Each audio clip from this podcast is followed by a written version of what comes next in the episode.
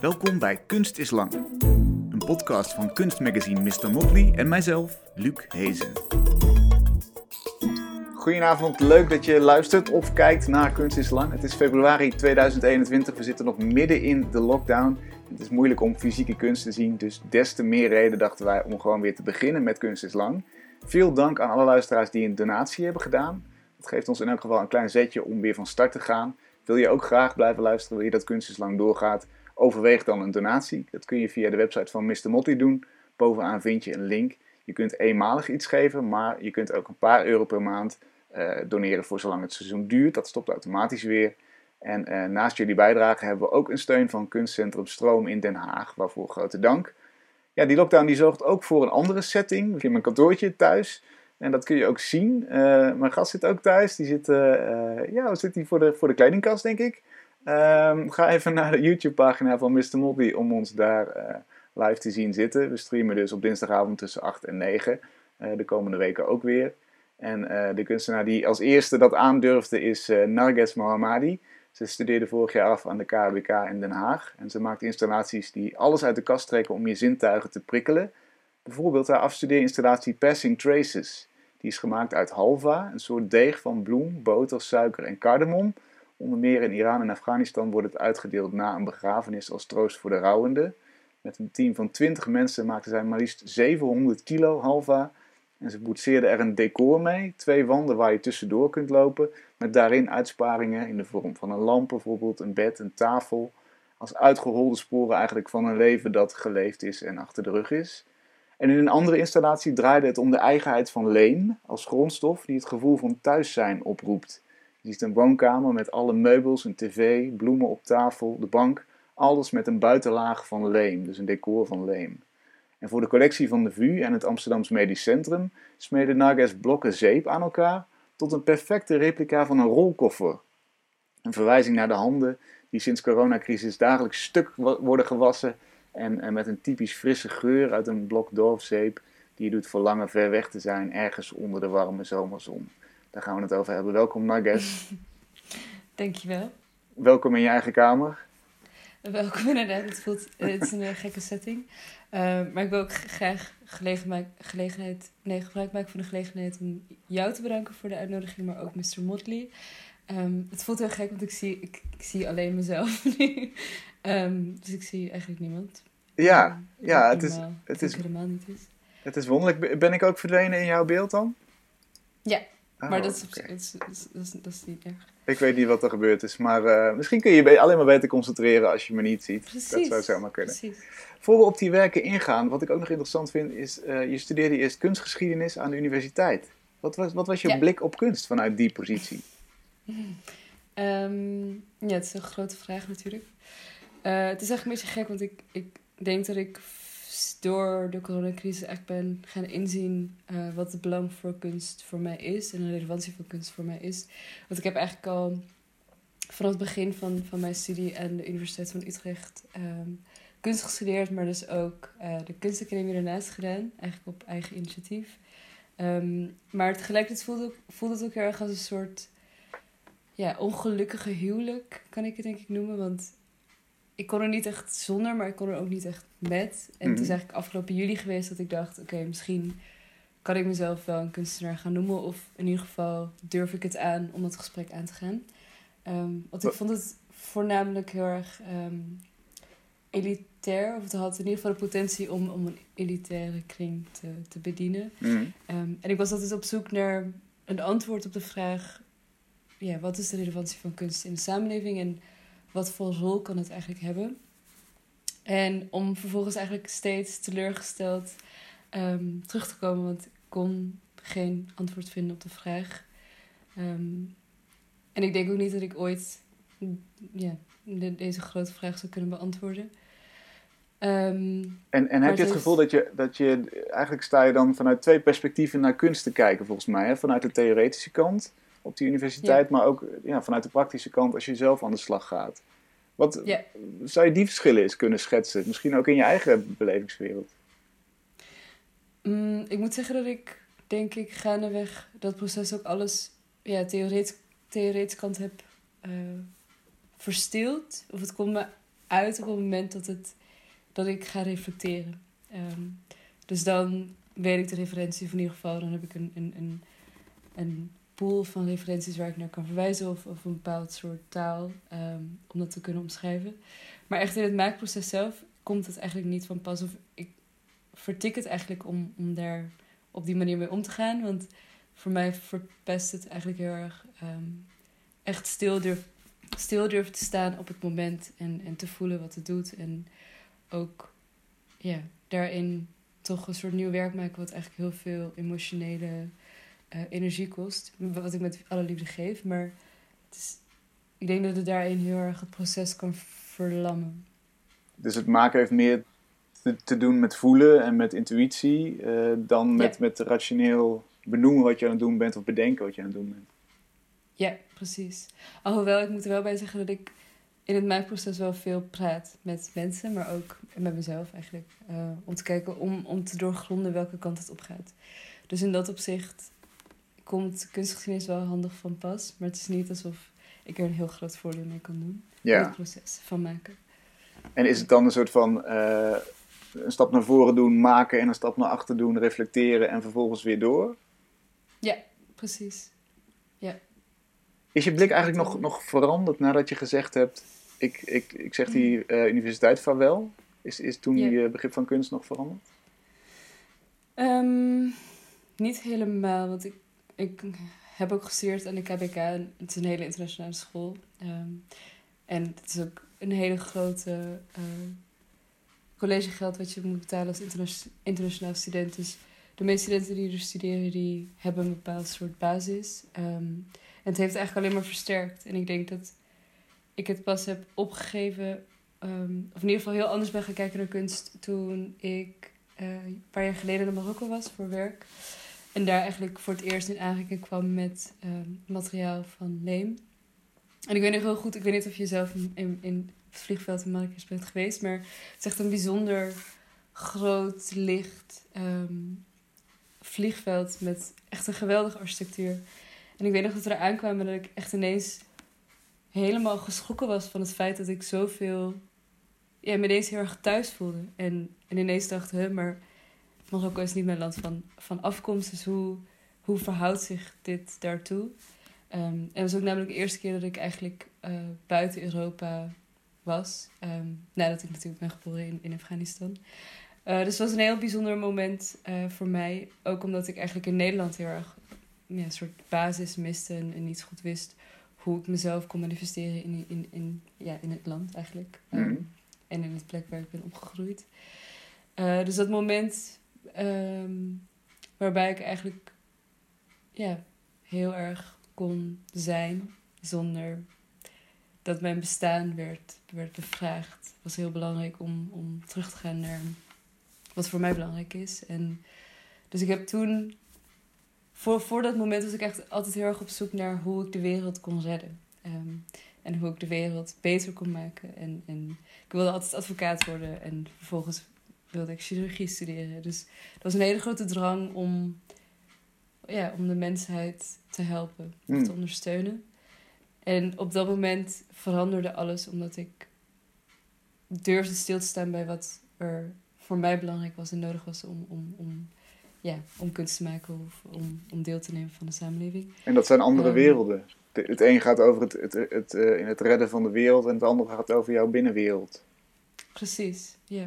Dus het ging heel erg van overleven, want um, ja, je komt we, we, van overleven naar echt leven en zijn. En ik denk dat dat het moment was waarbij ik dus ook het grote verhaal van de kunstgeschiedenis, dat heel erg naar buiten kijkt, um, naar binnen heb gekeerd. Wat, wat teruggaat naar kunst maken en dat wat je eerder benoemd, het intuïtieve, het, het gevoelsmatige. Ja. Dus dat is echt een, een link geweest waarbij ik theorie heb los kunnen laten en ben gegaan naar de praktijk. En omschrijf dat moment is dat je dan, dat je dan daar staat. Wat, wat maakt dat je ineens al die bagage los kan laten en, en je wel op je plek voelt? Want zoals je zei, het, het is niet je geboorteland, Marokko. En toch nee. voelde je daar thuis. Ja, precies. Um, natuurlijk heeft het met heel veel dingen te maken. Het heeft te maken met de geur en met de huidskleur van mensen. Maar ook het feit dat mensen Arabisch tegen mij praten. Want uh, ik spreek Farsi, dus Arabisch is, is natuurlijk nog een heel ander, andere taal. Mhm. Ehm, maar het feit dat dat. Ja, dat- je. Ja, het is een lastige vraag om soort van te vervatten in, in een ervaring. Maar het feit dat, er, dat, dat je niet opvalt, misschien is dat het feit dat, dat je de norm bent. Ehm, en niet meer ja, door buitenstaander of de gast. En ik moet. En ik denk dat dat eigenlijk soort van het moment was dat ik dacht. Ja, misschien is kunst dan voor mij een manier om. om een manifestatie. is misschien is kunst een manifestatie van mijzelf in tijd en ruimte. Misschien helpt dat om een plek in te nemen daar waar ik zelf, daar waar mijn bestaan wordt, wordt bevraagd. Ehm, Mhm. en ik refereer eigenlijk even naar een moment waarbij. En oké, dit, was, dit was een paar weken geleden. eh, om even aan te duiden hoe nog steeds eigenlijk mijn bestaansrecht eh, wordt bevraagd door middel van hoe ik eruit zie. Ehm, een paar weken geleden was ik voor de studio, ehm, en dit is in Den Haag. En voor de studio is er een, er woonboot eh, gedeelte. Er wonen heel veel mensen met een woonboot. En er is een man die eh, zijn woonboot verwarmt door hout te stoken.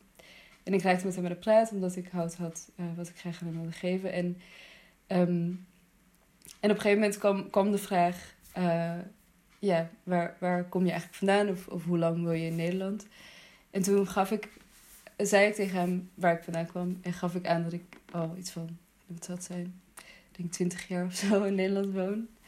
En vervolgens, en zijn reactie gaat me voor altijd bijblijven, omdat ik ook zo hard, moest zo hard mijn best moest doen om mijn lachen in te houden. Maar hij zei, nou, welkom in Nederland. En ik, moest, ik wist gewoon niet wat ik moest zeggen, omdat ja, het is heel sympathiek. En het is, ik, ja, ik voel ook dat ja, zijn oprechtheid waarmee hij dat aangaf. Maar tegelijkertijd stuit het heel erg op ja, het idee dat, dat je als soort van chameleon tussen verschillende culturen beweegt, tussen verschillende geschiedenissen, maar tegelijkertijd naar gelang ehm, het moment toch in het een of de andere categorie valt. Ehm, en ik denk dat we de diaspora-identiteit ehm, veelal wordt gevierd vanwege haar fluiditeit om, tussen verschillende culturen te bewegen. Maar ik denk ook dat het een, ja, een heel pijnlijk proces is. Eh, zoals Edward Said ook aangeeft in Reflections of Exile, dat het ook gepaard gaat met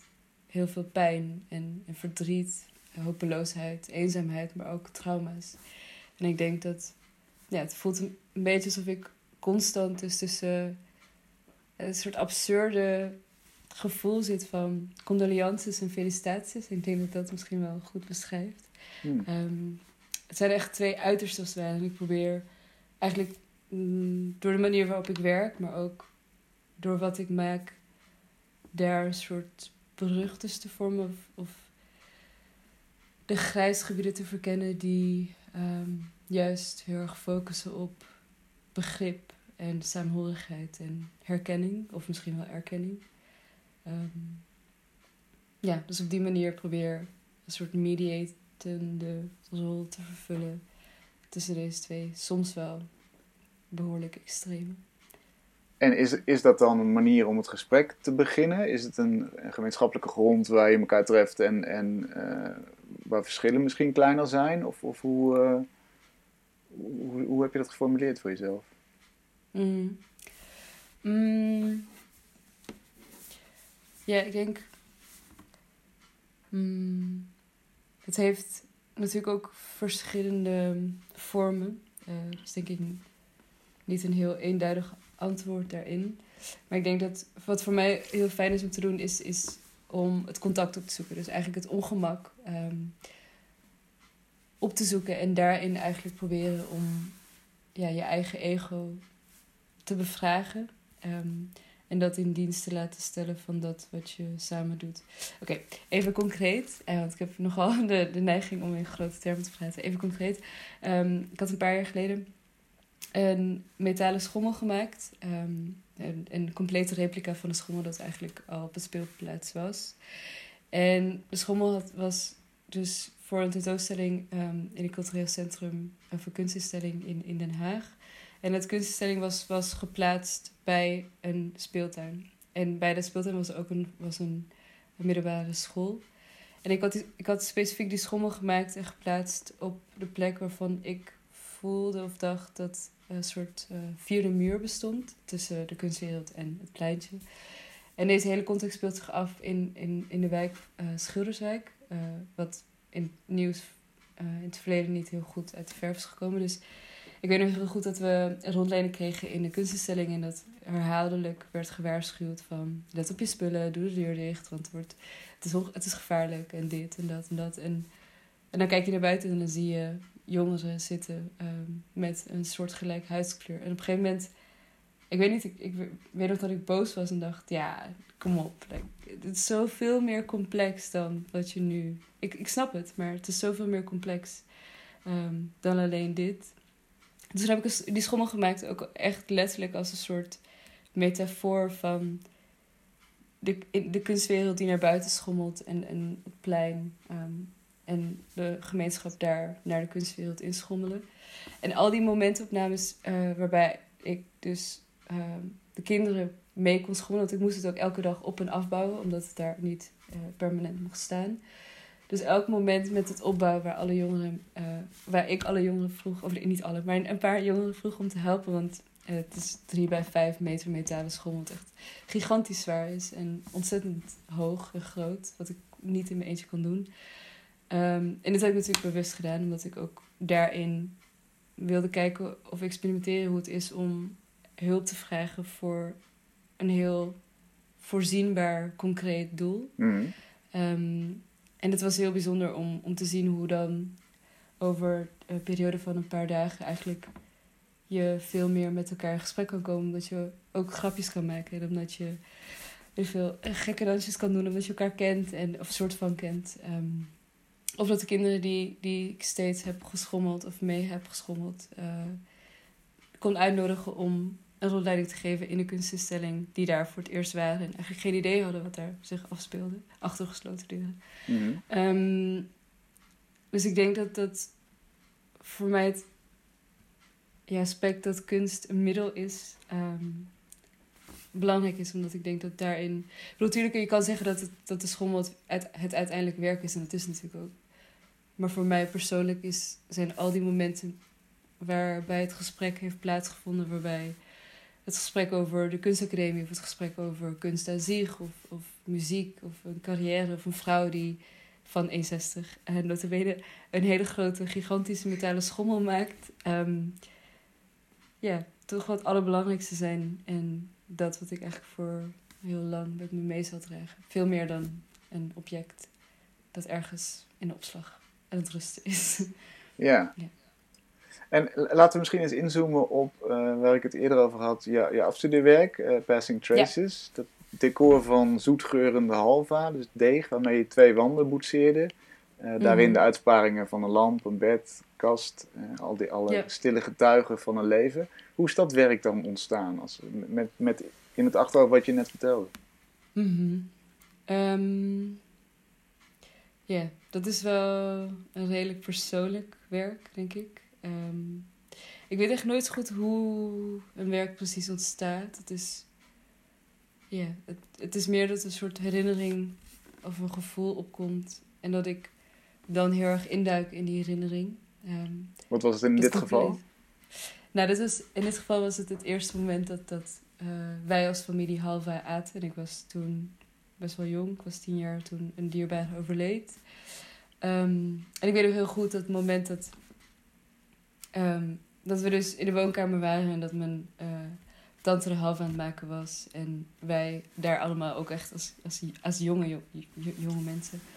Um, en de geur van halve die dan soort van hele ruimte inneemt. Um, en dat op een grote schaal wordt geserveerd en waar iedereen een hapje van neemt. En omdat je eigenlijk toch niet echt iets anders binnenkrijgt en dit het heel vol koolhydraatrijk, warm voedsel is. Wat je even een kick van energie geeft. Dus dat was eigenlijk dat moment um, waar ik vervolgens eigenlijk heel erg probeerde grip te krijgen op van oké, hoe, hoe is het eigenlijk geweest? En um, ik wil sowieso werken met eten. Uh, omdat ik het een heel bijzonder fenomeen vind, of aspect vind dat je het tot je kan nemen en dat het vervolgens eigenlijk vergaat en nooit meer bestaat. Of ja, nooit meer bestaat. Dus dat aspect, dat, dat speelt sowieso heel erg mee. Ehm, en toen kwam het moment met de halve, denk ik, tot mij. En toen ben ik dat gaan ontleden. Van hoe ziet die ruimte eruit? Um, wie waren aanwezig? Wat voor texturen waren in die ruimte? Was het dag? Was het nacht? Um, regent het buiten? Dus eigenlijk echt de hele condities die de sfeer bepaalden van dat moment compleet onder de loep genomen. En hoe meer ik probeerde, hoe moeilijker het was om grip te krijgen op dat moment. Um, en toen ben ik uiteindelijk na een heel lang proces besloten om te werken met negatieve ruimte. Dus in plaats van dat wat zich in die ruimte was, alles wat er niet was, uh, proberen vorm te geven. Omdat je niet meer precies kon terughalen wat er was. Ja. Toen dacht je dan maar, dan maar negatief, dan draai ik om. ja. ja. Ja. En zo is het eigenlijk ontstaan. En het was een heel lang proces van het maken. Want op zich, omdat het dus, ja, omdat de meeste van mijn werken redelijk persoonlijk zijn, is het ook een heel, ja, soms wel pijnlijk proces. Want je gaat een heel lang traject in van met jezelf in gesprek zijn en dat ook met anderen en daar met anderen volgens weer in gesprek te gaan. Ehm, en het kost heel veel tijd omdat je ook dus wil reflecteren en, en het gaat niet zo snel. Het is ook niet een proces wat je kan versnellen of het is ook niet een proces waarbij je shortcut kan nemen. Dus het is, um, het is lang. Het en je hebt, je hebt nog eh, steeds dat, die herinnering, die, na, die, die, die, die, wordt nagejaagd eigenlijk. Dat, dat is de, de leidraad. Ja, en je weet gewoon niet, ik heb gewoon meestal geen idee wat de vorm gaat zijn. Meestal hmm. begin, weet, weet ik wat het materiaal is en dan doe ik heel veel materiaalstudies. Om te kijken hoe de halve reageert op temperatuur, op nou goed, hoe het is om het groter te maken, kleiner te maken. alle condities worden, worden, eh, komen, passeren de revue. En dan gaandeweg het materiaalonderzoek uh, bepaalt het materiaal ook de vorm. Ehm, en dan weet ik dat ik negatieve ruimte werk, maar geen idee hoe wat of welke ruimte dat dan moet zijn. Of ja, hoe groot het moet zijn, hoe klein het, hoe klein het mag zijn. En dan is het eigenlijk een soort dialoog vervolgens tussen het materiaal en mijn gevoel wat de vorm bepaalt. En als dat soort van zingt, als dat in ritme is, dan gaat het heel snel. En dan is het echt volle productie en dan is, kan het werken ook echt binnen een paar weken staan. Mm. Maar dat proces voorafgaand is um, ja, lang. ja. Dan staat daar 700 kilo aan deeg. Uitgesmeerd, ja. geboetseerd. Uh, nou ja, die, die negatieve ruimte natuurlijk. Hè? De, een installatie waar je doorheen kan lopen, maar die je ook al ja. van verre tegemoet komt. Alleen al door de geur natuurlijk. Mm um, wat ik heel mooi vond, is dat, dat daar handen in zichtbaar zijn, nagels, Mhm. alle kneedinspanningen zijn goed te zien. Uh, dus de sporen waar het werk eigenlijk over gaat, hè, zij het in Mhm. positieve of in negatieve ruimte, uh, daar komen ook nieuwe sporen bij, maaksporen. Hoe, hoe belangrijk zijn die twee samen? Ehm, dat is een heel mooi aspect wat je aangeeft. Ik denk dat het heel belangrijk is. Ehm, nee, ik denk niet. Het, het is heel belangrijk. Ehm, want vooral met het maakproces. Ik weet nog heel goed dat ik bij de Albertijn, want daar kon je, ik weet niet, voor, ik weet niet waarom het is, maar daar had ik gevonden dat je voor een grote hoeveelheid eigenlijk ehm, nog relatief eenvoudig en goedkoop dat kon laten bezorgen.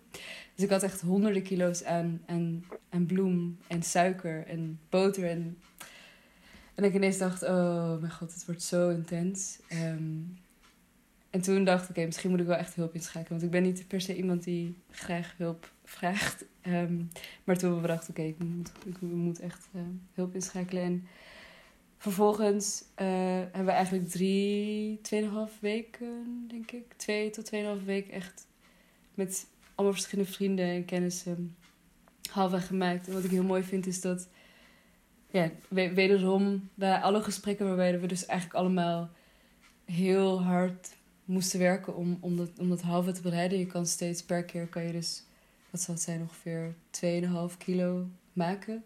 En je verwarmt namelijk eerst de bloem en dan komt er suikersiroop bij en eh, de boter. En je moet constant blijven roeren, want het smelt eerst helemaal. En vervolgens, omdat je dus constant blijft roeren, wordt het weer iets harder. Maar omdat het proces dus ook, dat, dat verhardingsproces heel, ehm, ja, wat tijd kost en ook heel veel roerkracht, ehm, ben je dus eigenlijk compleet, is je hele bovenarm als het ware een soort van een, blok spier. Maar je deelt die ervaring samen. En alle gesprekken die we eigenlijk tijdens dat proces van het maken, wat bijna een soort meditatief karakter kreeg, waren heel belangrijk omdat daarin het gesprek over verlies kon ontstaan. Ehm, met vrienden, maar ook met kennissen. En sommige dingen wist ik gewoon niet. Of er waren bepaalde openingen tot gesprek die voorheen toch iets ongemakkelijker of misschien iets verder weg liggen om, om te starten. Mhm. Ehm, en dan vervolgens zie je eigenlijk per badge zie je dus alle, ja, eigenlijk alle sporen van hoe iedereen heeft, het heeft gemaakt. Want de ene keer is het iets meer bruin, de andere keer is het iets lichter van kleur. Dus je kan het niet compleet controleren, vooral niet met zoveel mensen. Ehm, maar wat ik heel fijn vind is dat je dan eigenlijk echt nog kan zien wie waar heeft meegeholpen als het ware. Ehm, en dat daarin ook het gedeelde effort duidelijk naar voren komt. Ja. En is het dan zo dat jij met name die verhalen eh, belangrijk vindt? Zoals je net al zei, eh, kunst is een manier om een gesprek te beginnen, hè, zoals, zoals de schommel dat is.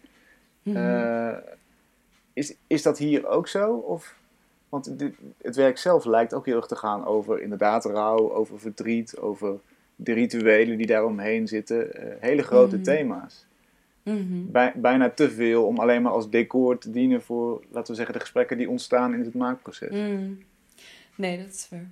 Ehm, ja, ik denk dat het heel erg afhankelijk is van. Ja, ik heb, ja, ik heb een beetje een soort haat-liefde verhouding met kunst. Misschien is dat het. Ehm, ik, maak, ik maak altijd werk en ik werk daar ook voor. En ik kan er echt niet zonder. Het is echt een soort urgentie om, om te blijven maken. Maar tegelijkertijd, als het er eenmaal is, dan voel ik toch een soort van afstand of zo. En ik denk dat omdat we het samen maken, mm, merk ik dat ik er toch wel iets meer ja, van kan houden. Of in ieder geval iets meer toenadering voel tot dat wat ik heb gedaan. En waar zit de haat in? Kun je, kun, je, kun je dat eens analyseren? Want het is grappig, je hebt hier de, de Ron Manders Young Blood Award voor gewonnen. Beste afstudeerwerk van de Nederlandse academies. Dan is er een Mhm. making-of film gemaakt en daar horen we je ook zeggen... Ja, die kunstwereld, het boeit me allemaal niet zo. Het maakt me niet uit wat mensen ervan vinden. Alleen de mening van mijn moeder en opa is belangrijk voor me. Die komen dan kijken, dat zien we ook. Ja. Eh, daarover misschien later. Maar waar zit de aversie eigenlijk dan tegen die kunstwereld? Wat, eh, waar, je, Hmm. waar je zelf deel van uitmaakt en waar je nu succesvol in bent. Hoe zit Goeie dat? vraag. ik heb er nooit zo direct over nagedacht. Ehm, maar ja, mm, het zou denk ik wel ergens te maken kunnen hebben. eh, Oké, het zijn twee dingen denk ik. Enerzijds is het een soort groter sociaal-maatschappelijk vraag of sociaal-maatschappelijke inbedding. En anderzijds is het denk ik een hele persoonlijke eh, manier. Ik begin eerst even met sociaal-maatschappelijke. Ehm, ik kom van een achtergrond waarbij ja, overleven dus belangrijk was, omdat je nieuw bent in de samenleving, als het ware, en je weg daarin moet vinden. Ehm, en ik ben blij dat dat is gelukt. Eh, ik weet, nee, goed, gelukt is misschien niet het juiste woord, maar in ieder geval een manier heb gevonden om dat te doen. Ehm, maar tegelijkertijd merk ik ook dat ik denk, ja, maar is kunst het dan wel of zo? Of waarom, als ik nu advocaat zou zijn, zou ik veel directer iets kunnen zeggen, of zou ik veel meer zeggenschap kunnen hebben om dingen blijvend te kunnen veranderen. Dus het voelt, misschien voelt het kunstenaarschap ook als een soort decor. Ehm, misschien is dat waarom ik het lastig vind om daar een soort, ja, mijn weg in te vinden. Mhm. Ehm, Maar ook omdat je nog niet overtuigd bent van de waarde dan misschien. Klinkt erin door. ja, misschien dat, ja. Want ik denk ook, ik begin het wel steeds meer in te zien. Ehm, maar ja, ik vind het ook vaak een soort ego-tripperij. En misschien ga ik, jaag ik nu heel veel mensen in het harnas. Ehm, maar het gaat, en misschien, Ja. Misschien ook daarom dat ik ook ja, weet je wel, gemakkelijk voelde om deel te nemen aan het gesprek. Omdat ik dacht, ja, het gaat nu heel erg over mij. En het werk gaat, is ook heel persoonlijk of heel autobiografisch ergens. Dus het kan, ik kan ook niet zo van omheen. Maar tegelijkertijd vind ik het ook ongemakkelijk dat het over mij gaat. Omdat ik vind dat het niet over mij moet gaan. Maar dat het moet gaan over dat wat het zegt. Of dat wat tussen ons bevindt. Ehm, en ik wil gewoon heel graag dat het gaat over wat ons bindt als, als samenleving. Zonder dat het eh, hippie-achtig overkomt. Ehm, Mhm. Omdat ik vind dat dat de norm moet zijn. Maar, maar ja, die haat-liefdeverhouding. Ik denk dat ik nooit heb durven toegeven dat... Ja, hoe belangrijk het makerschap voor mij is. Ehm, ik ben er niet mee opgegroeid, geen kunstopleiding gehad. Of, of uh, ik bedoel, niet, niet in, in, de opvoeding meegekregen. Um, ja, gekomen vanuit een positie waar overleven een, een, de norm is. En voor mij is kunst iets wat de schoonheid viert en ja. Hoe zeg je dat? Mm, de schoonheid viert en ook gaat om, om de vorm. Terwijl voor mij gaat het heel erg om dat wat er zich achter afspeelt. Hmm. En dat is, dat is een andere wereld dan efficiëntie, geld verdienen, uh, sociale status wellicht. Ja, precies. Even gechargeerd, want die kunnen natuurlijk ook samengaan. Maar de kans daarop is aanzienlijk kleiner als je kunstenaar bent dan, dan wanneer je een topadvocaat zou zijn. Nee, precies. Nee, zeker. Terwijl je nu toch een soort talent hebt aangeboord voor het maken van kunst. Want dit, dit is geweldig werk. Mm. Ja, dankjewel. ben je dan meer geneigd om jezelf als, als, als geslaagd te zien? Of is, hangt het daarmee samen, mm. die waarde van kunst?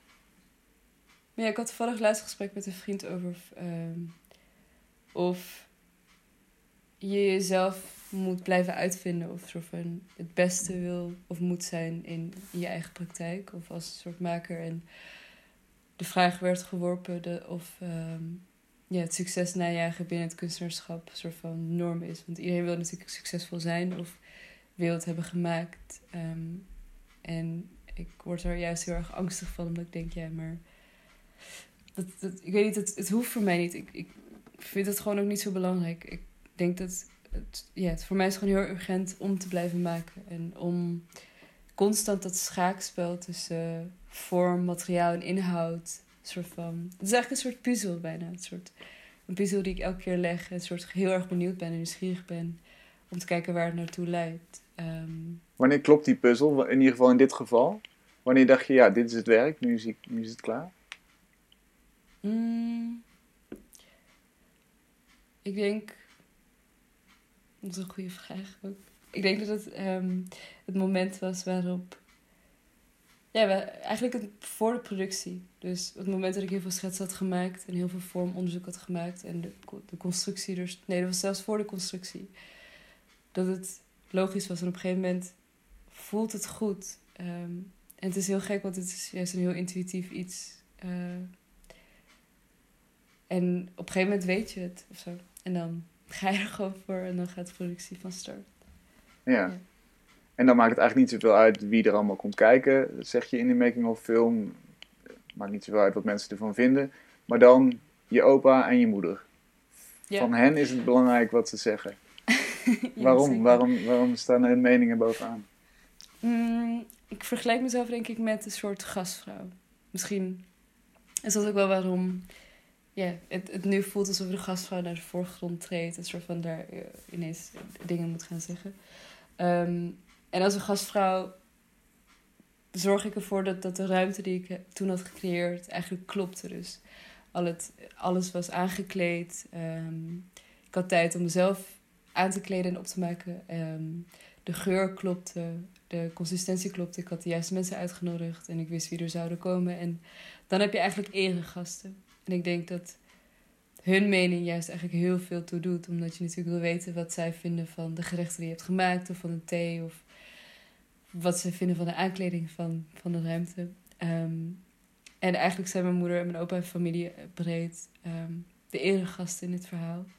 Omdat zij, ik denk, zonder kunst inhoudelijke referenties eigenlijk kunnen voelen waar het werk over gaat. En als zij vinden dat het geslaagd is, dan, dan is het voor mij geslaagd. Uh, als zij begrijpen waar het over gaat, dan klopt het. Dus meestal doe ik een check uh, via de telefoon met mijn moeder van... oké, ik ik, ik ga nu dit werk doen, bijvoorbeeld met een nieuw werk met zeep. Um, en dan als zij een soort van in één zin zegt of refereert of uh, zich... Of, nee, over het werk spreekt en het klopt met wat ik eigenlijk wil zeggen, maar nog niet had gezegd, dan weet ik dat het soort van wel klopt. Um, en vooral die, die, die emotionele begrip is belangrijk, want ik denk, natuurlijk, de, de, de passage van Halva was, je kon er natuurlijk doorheen lopen en er gebeurde heel veel en er, waren culturele verwijzingen in de tekst. Um, En er was natuurlijk ook geur en je werd van gedwongen om, om door te lopen. En tegelijkertijd als je stil zou, zijn, zou staan, zou het heel beklemmend zijn. Ehm, maar er is eigenlijk één ervaring van een familielid wat me eigenlijk nog het meest bijstaat. En ik denk dat juist die, die, die ervaringen ja, mij het meest raken. Nou goed, misschien wel iedereen raken. Maar goed, een familielid was, um, was langsgekomen en ik wilde hem heel graag laten zien uh, wat ik had gemaakt. Um, en diegene, het is een hele grote, uh, brede man. Veel groter dan ik. Uh, en um, heeft niks met kunst, vindt het niet interessant. en de enige soort van deuropening tot de kunstwereld ben ik eigenlijk. en ik had hem uitgenodigd en we liepen samen door, door, door, door mijn werk. En hij liep nog een keer terug en ging aan het einde van de gang staan. En ineens zag ik tranen over zijn wangen rollen. En ik schrok me echt te pletter omdat ik dacht, oh jee, wat heb ik nou gedaan? En ik voelde me zo, ja, eigenlijk bijna erg schuldig. Omdat ik dacht, oh shit, ik, ja, ik wist niet dat het zo zou raken. En ja, ik denk dat die ervaringen voor mij in ieder geval belangrijk zijn. Ik wil niet zeggen dat niet alle ervaringen belangrijk zijn.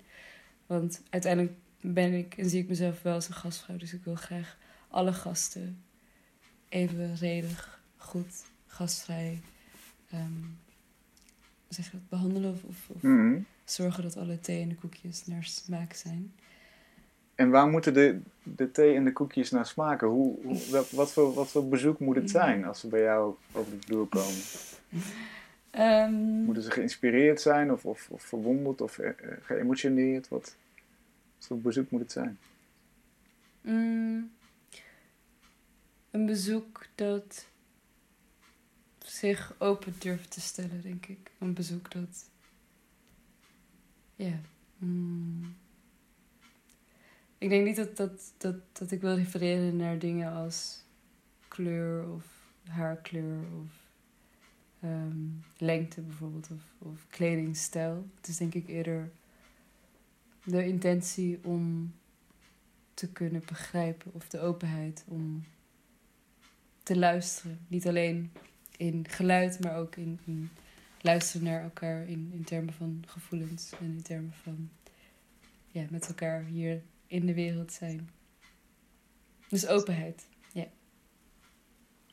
Je zei net al, eh, het moet eigenlijk niet te veel over mij gaan. Als gastvrouw moet je niet voorop staan. Maar ik denk toch nog even terug aan hoe je het, het gesprek begon. Hè? Je, je probeert je plek te vinden in Nederland. En, en, en hè, dat, dat, die moet je ook, je hebt het gevoel dat je dat ook steeds moet bereizen. Dat, Mhm. dat, dat merk je ook dagelijks. Hoe, kun je nou, hoe zou je nou in een kunstwerk dat gevoel kunnen, kunnen vatten en, en dat als thema kunnen maken? Heb je daar, ben je daar wel eens mee bezig geweest? Mm. Ja, het is inderdaad een, een groot thema dat, da- dat me dagelijks raakt. Niet dat ik daar dagelijks mee maken krijg. Ehm, ik denk dat het hoe dan ook in bijna elk werk wat ik maak ergens wel in terugkomt. Ehm, maar dat het nooit zo direct naar voren. Ik denk dat het een beetje. Ja, het wordt. Het is lastig, denk ik, omdat. Misschien is het lastig omdat het in het nu afspeelt. Ehm, en het is te vers om daar met afstand eh, naar te kunnen refereren. Of dat echt als een soort van aanleiding te kunnen gebruiken. Dus ik denk dat het, ja, dat, dat het voor mij beter werkt in ieder geval om nu dichter bij mezelf te blijven. En, en dingen van wat er is gebeurd, dus in het, in het dichte verleden, eh, als aanleiding te nemen voor een nieuw werk. Of misschien helemaal niet, zoals, zoals in het werk ehm, van een zeepkoffer, waar ik eigenlijk niet per se heel direct vertrek vanuit een persoonlijk perspectief.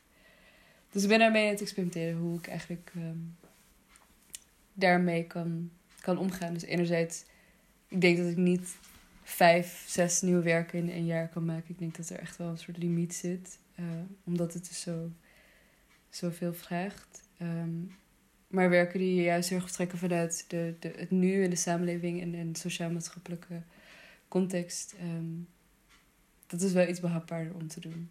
Ja. Dus er is, er is reflectie nodig, er is tijd nodig om het te laten indalen. En er iets, Ja. eh, iets van te Ja, vinden, zeker. iets, iets bij te voelen.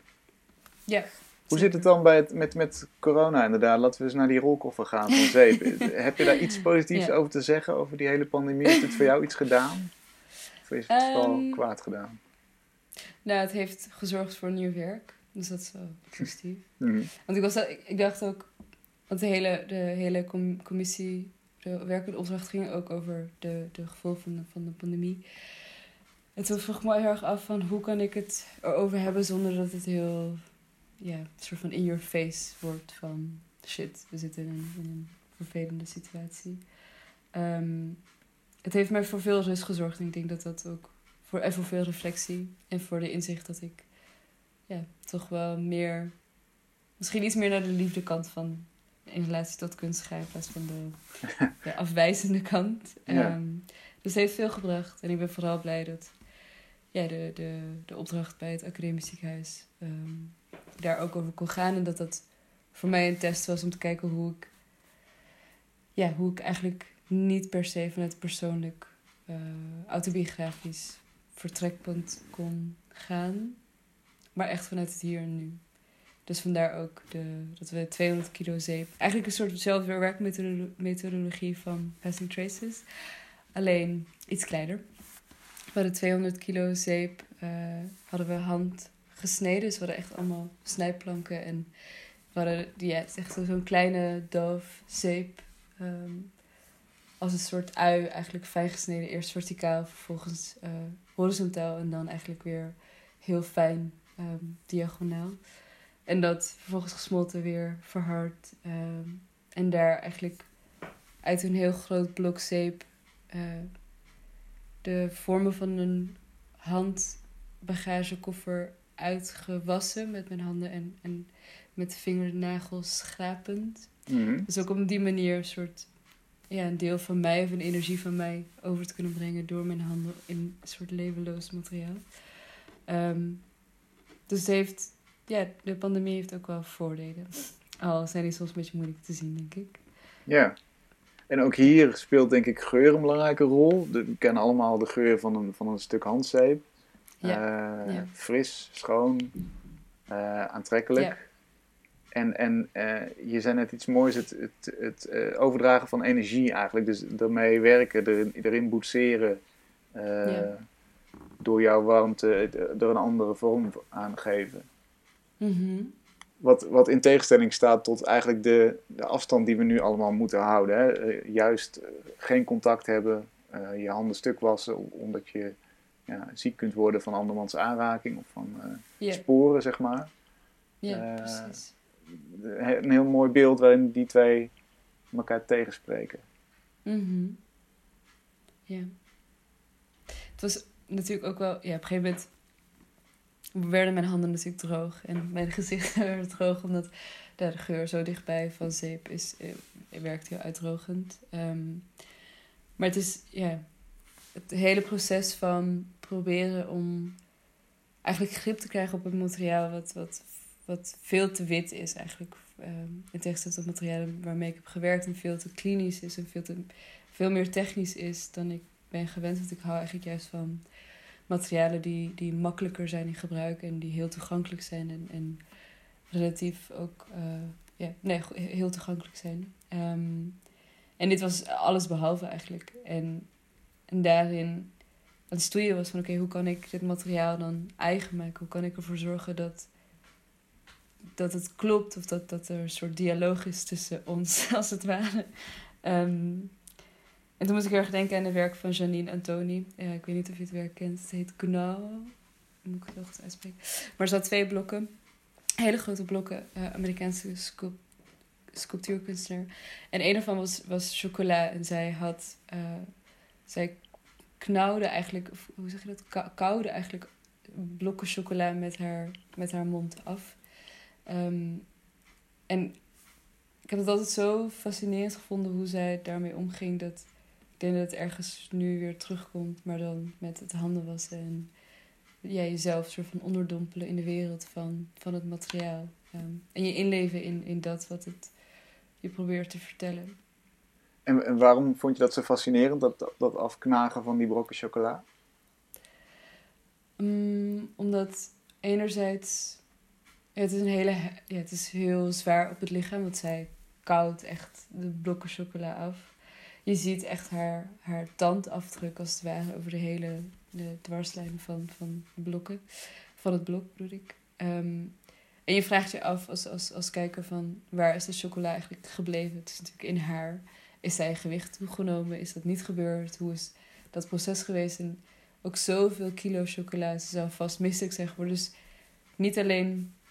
Wat ik fascinerend vind is dat, dat je ziet waar, of wat of waar de sporen zijn geweest van haar aanwezigheid. Ehm, en daarin een soort nieuwe wereld zich opent over wat je dus niet ziet en wat, je, wat in haar wereld afspeelt. Of hoe zij, ja, hoe zij zich heeft, heeft, hebben, heeft moeten hebben gevoeld.